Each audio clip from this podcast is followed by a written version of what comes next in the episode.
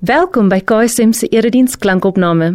Nadat jy hierdie boodskap geluister het, sal ons dit regtig waardeer as jy die boodskap rate of in Afrikaans gestel beoordeel en deel met ander. Jou terugvoer help ander om saam met ons die Jesuslewe te ontdek, omdat Jesus alles verander. Hier is vandag se boodskap. Baie hartlik welkom vir elkeen wat inskakel by KSM aanlyn en as jy 'n nuwe intrekker is, as jy al lankal lid is, waar jy ook al kyk, mag die Here vandag op 'n baie spesiale manier jou aanraak en ook vir my wat die woord bring, mag dit tot die Here se eer wees. Mag hy al die eer kry, mag sy naam skitter en skyn. Dit is my gebed wat ek hardop saam met jou deel tot eer van die Here. Amen.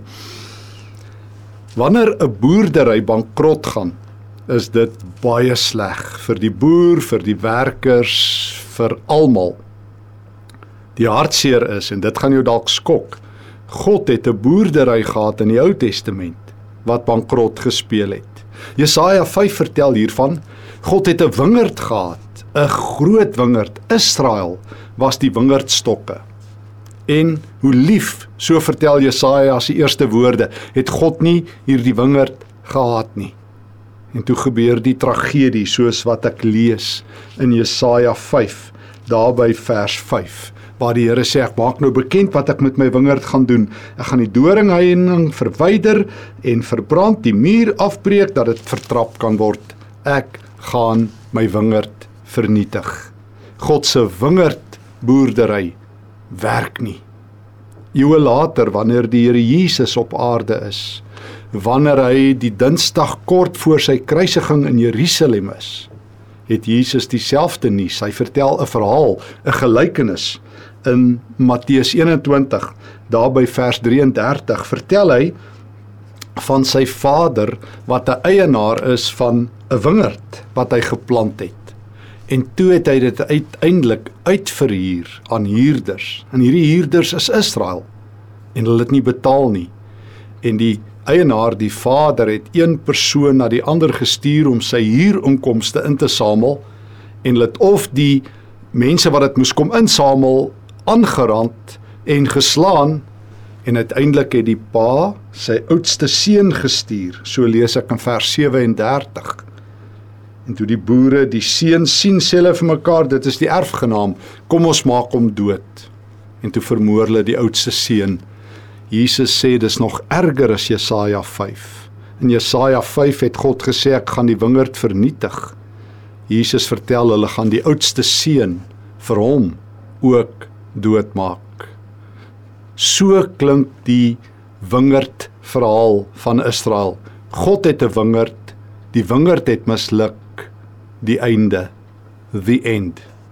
Maar God dank God het 'n nuwe wingerd aangelê. En ek nooi jou uit om vir 'n paar oomblikke saam met my te reis in hierdie wingerd waar jy en ek die lote is die lote wat gesnoei gaan word.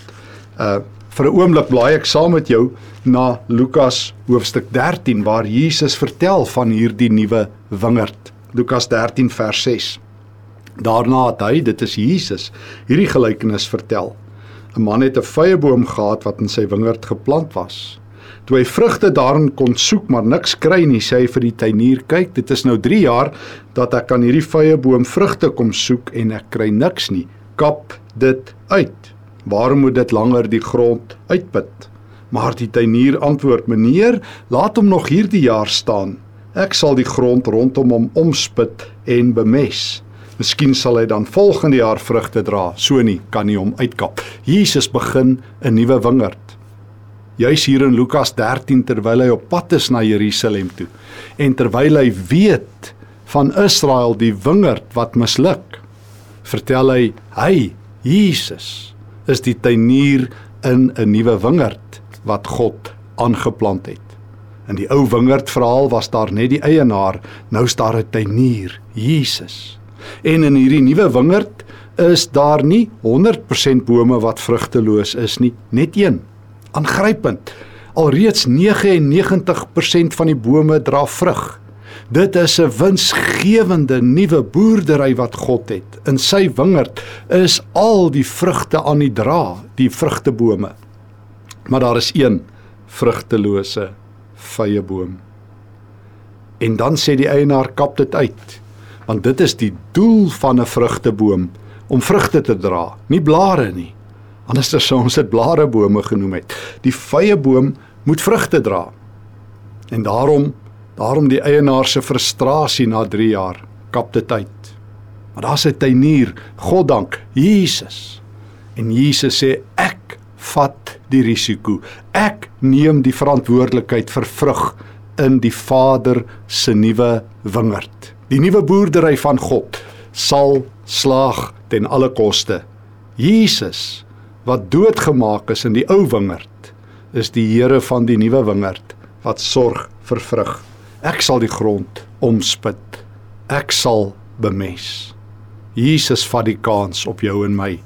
Want net miskien, net miskien is jy en ek daardie een vrugtelose vye boom in die nuwe wingerd van die Allerhoogste. Net miskien is dit jy en ek wat nie vrug dra nie en Jesus sê vir God spaar hom en haar nog een seisoen. Maar dit is veral Johannes 15 wat my vertel hoe Jesus te werk gaan. Hoe hy my snoei. Want dit is die ding, sal enige wynboer vir jou vertel. 'n Wingerdstok moet gesnoei word, reg of weg. Daar is geen keuse nie. Ek lees saam met jou Johannes 15 vers 1 tot 8. Letterlik het Jesus die Dinsdag voor sy kruisiging vertel van ehm um, daar in die tempel van die ehm um, van die wingerd verhaal en die oudste seun wat vermoor word. En die donderdag aand kort voor sy kruisiging so vertel Johannes 13 tot 17 ons is Jesus alleen met sy disippels. En dan vertel hy nog 'n keer van hierdie nuwe wingerd waar God is. Maar hoor net hoe mooi is dit. Hy sê vir sy disippels Johannes 15 vers 1. Ek is die ware wynstok en my Vader is die boer.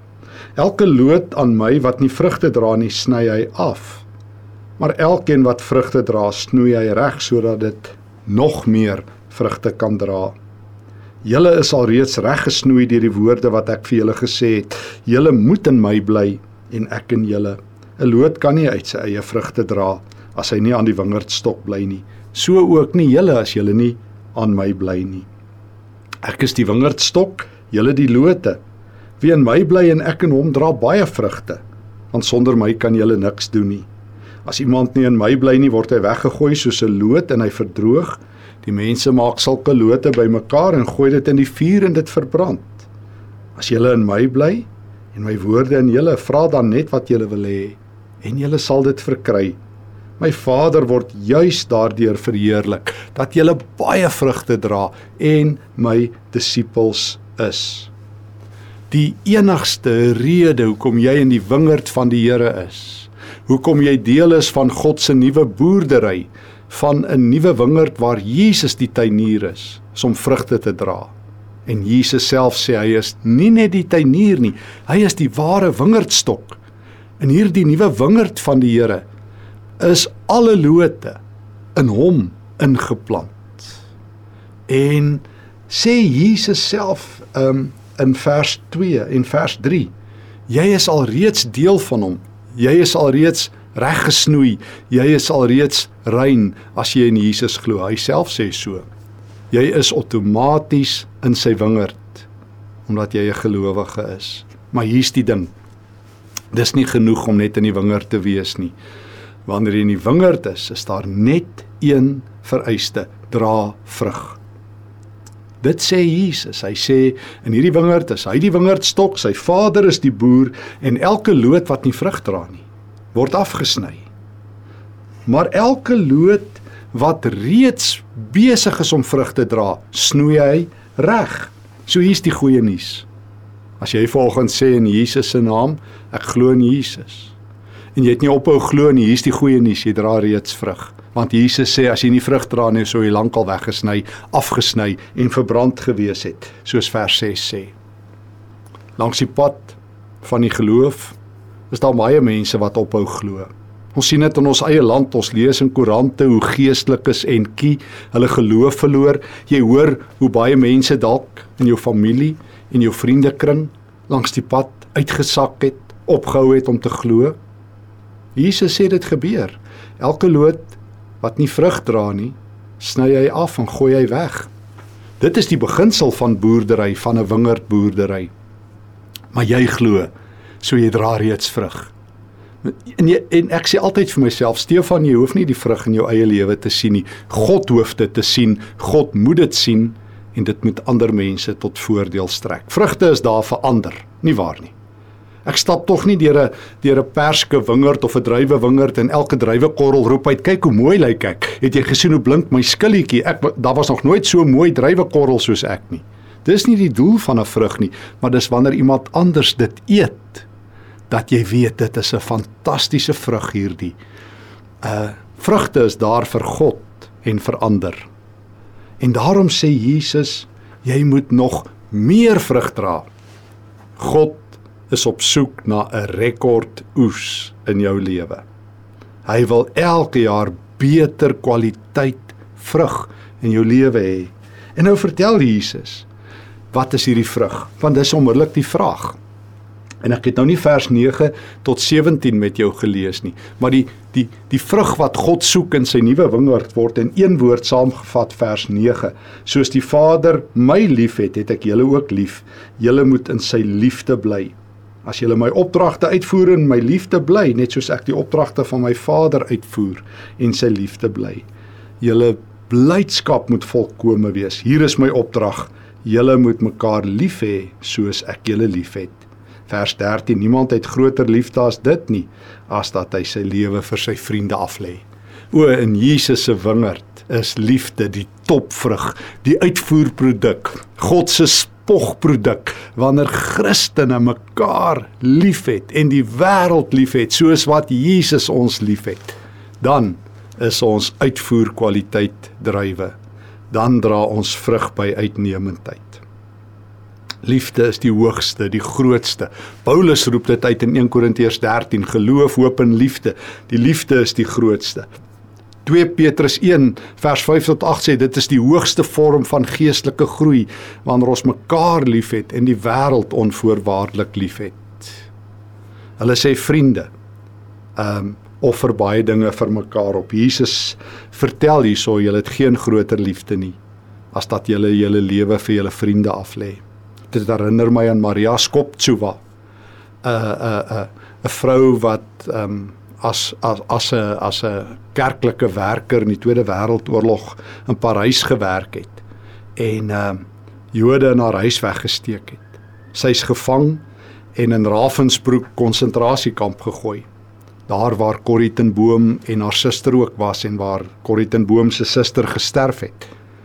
En kort voor die oorlog verby is op um stil Saterdag net na Paasvrydag 1945 is 'n klompie Joodse gevangenes weer in die tou gesit om verbrand te word in die gasoonde. En so word daar vertel dat terwyl hulle by Maria Skoptsova verby beweeg het wat as 'n Christen in die konsentrasiekamp was, het sy ewe skielik in die ry ingestap, die geel ster wat die Jode moes dra van die een Joodse dame afgehaal, op haarself gedruk en die Joodse en die Joodse dame eenkant toe gestoot om gered te word. So word daar vertel. En is sy verbrand. Geen groter liefde het iemand as dat hy of sy hulle lewens opoffer nie. Ek het al verwys na Maximilian Kolbe wat ook in Auschwitz as 'n Christen priester was en wat toe daar gevangenes ontsnap het, bereid was om met een gevangene plekke te ruil sodat die Joodse gevangene gered is en dat Maximilian Kolbe 10 dae later gesterf het. Dit is die uitvoerproduk liefde. Partykeer hou jy jou plekke, partykeer gee jy 'n beter sitplek, partykeer gee jy 'n beter plek vir mense voor jou. Maar liefde maak dat mense op jou skouers plek kry. Liefde maak dat jy 'n oop hand en 'n oop hart het. Dit is wat God soek. En om die liefde reg te kry, word jy gesnoei. Snoei is nie aldag lekker nie dit is soos die Hebreërs 12 weergawe God dissiplineer elkeen wat hy liefhet. Niemand hou van dissipline nie. Kom ons kom ons sê dit eerlik. Dis nie lekker om reëls te hoor en jy moet daarbey inpas nie. Dis nie lekker om te hoor jy's verkeerd en jy moet ekskuus sê nie. Want dit is die snoeiproses. Hoor net. Ehm um, jy kan nie uit jou eie uit vrugte dra nie sê Jesus vers 4.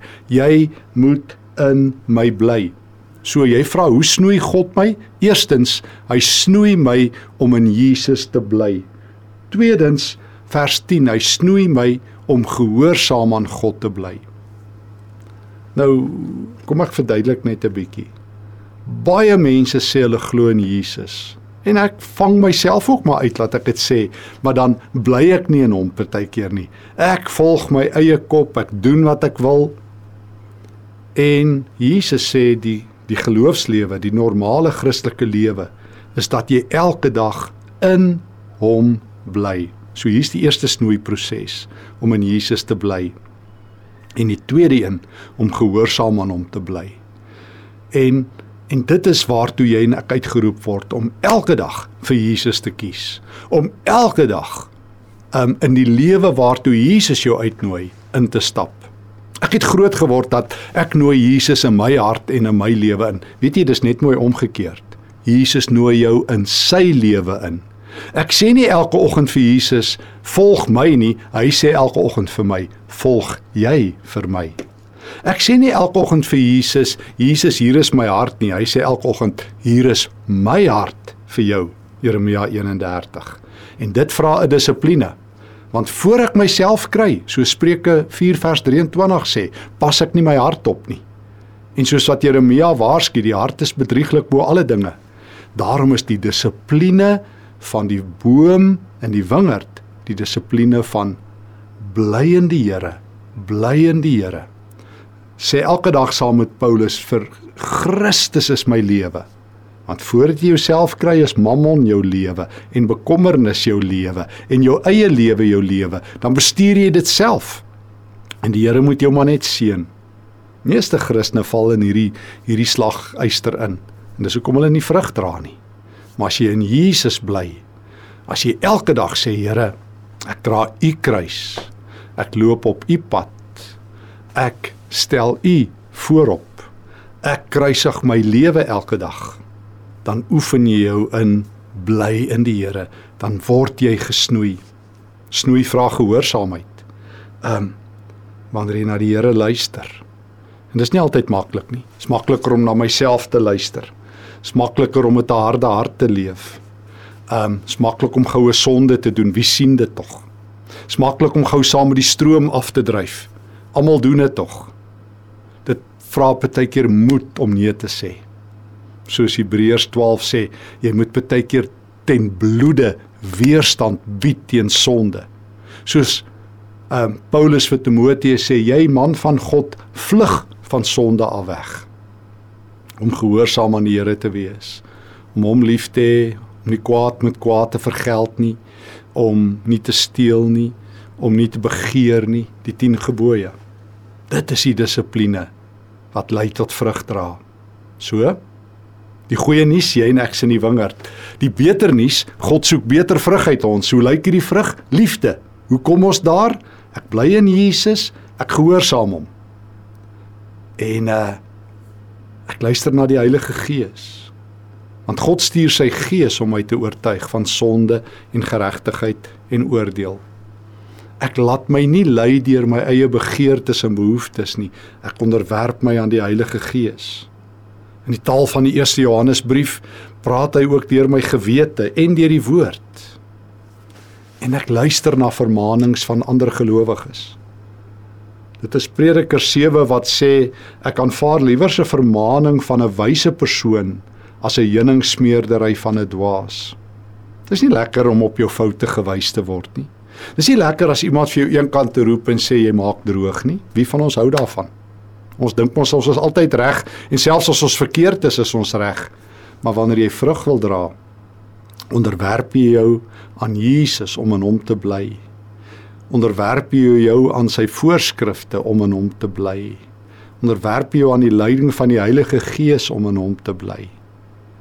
En luister jy ook na wyse ander mense wat die Here oor jou pad stuur om in die Here te bly. En dan neem vrug in jou lewe aan.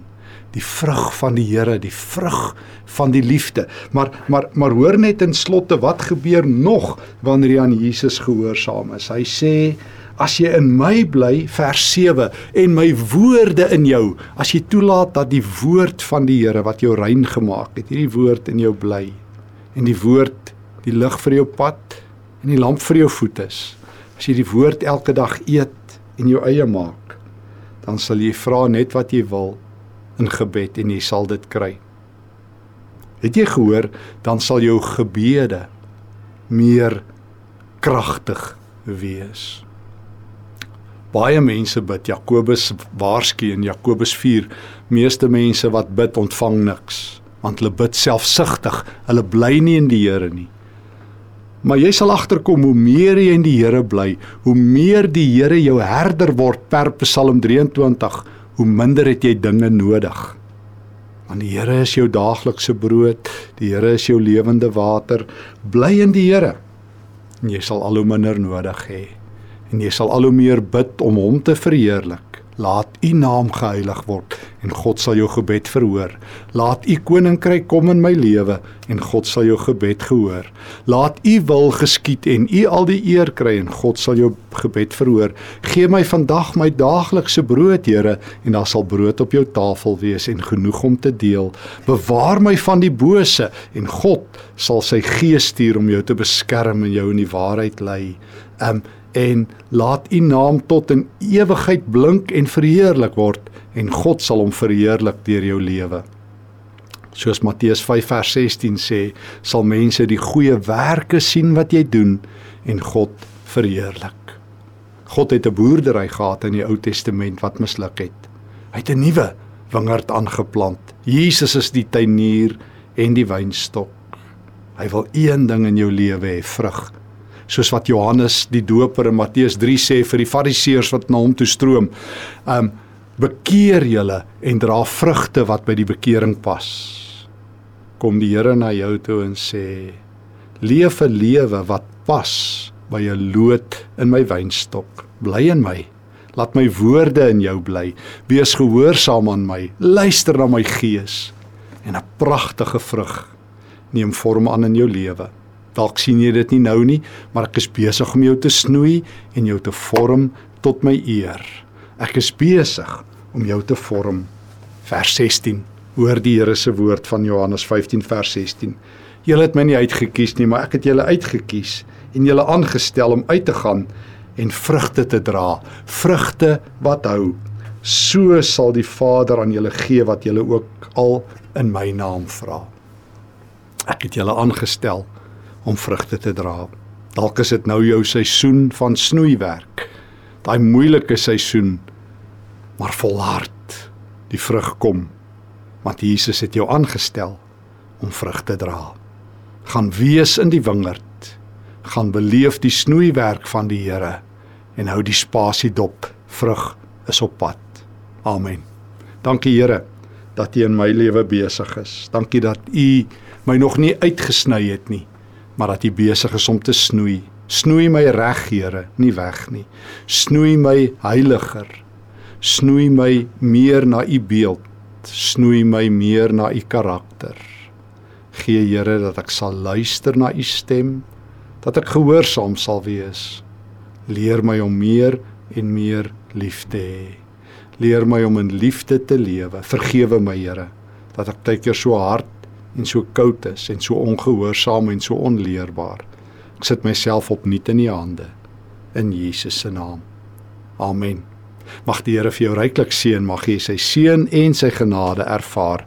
Mag jy beleef in hierdie snoeityd dat dit die regte seisoen in jou lewe is. Vrede vir jou. Indien hierdie boodskap vir jou betekenisvol was, oorweeg dit om in te teken vir ons nuusbrief, waarin ons weekliks hulpbronne en opkomende gebeure by KSM deel, sodat ons saam die Jesuslewe kan ontdek. Besoek ksm.co.za en word deel.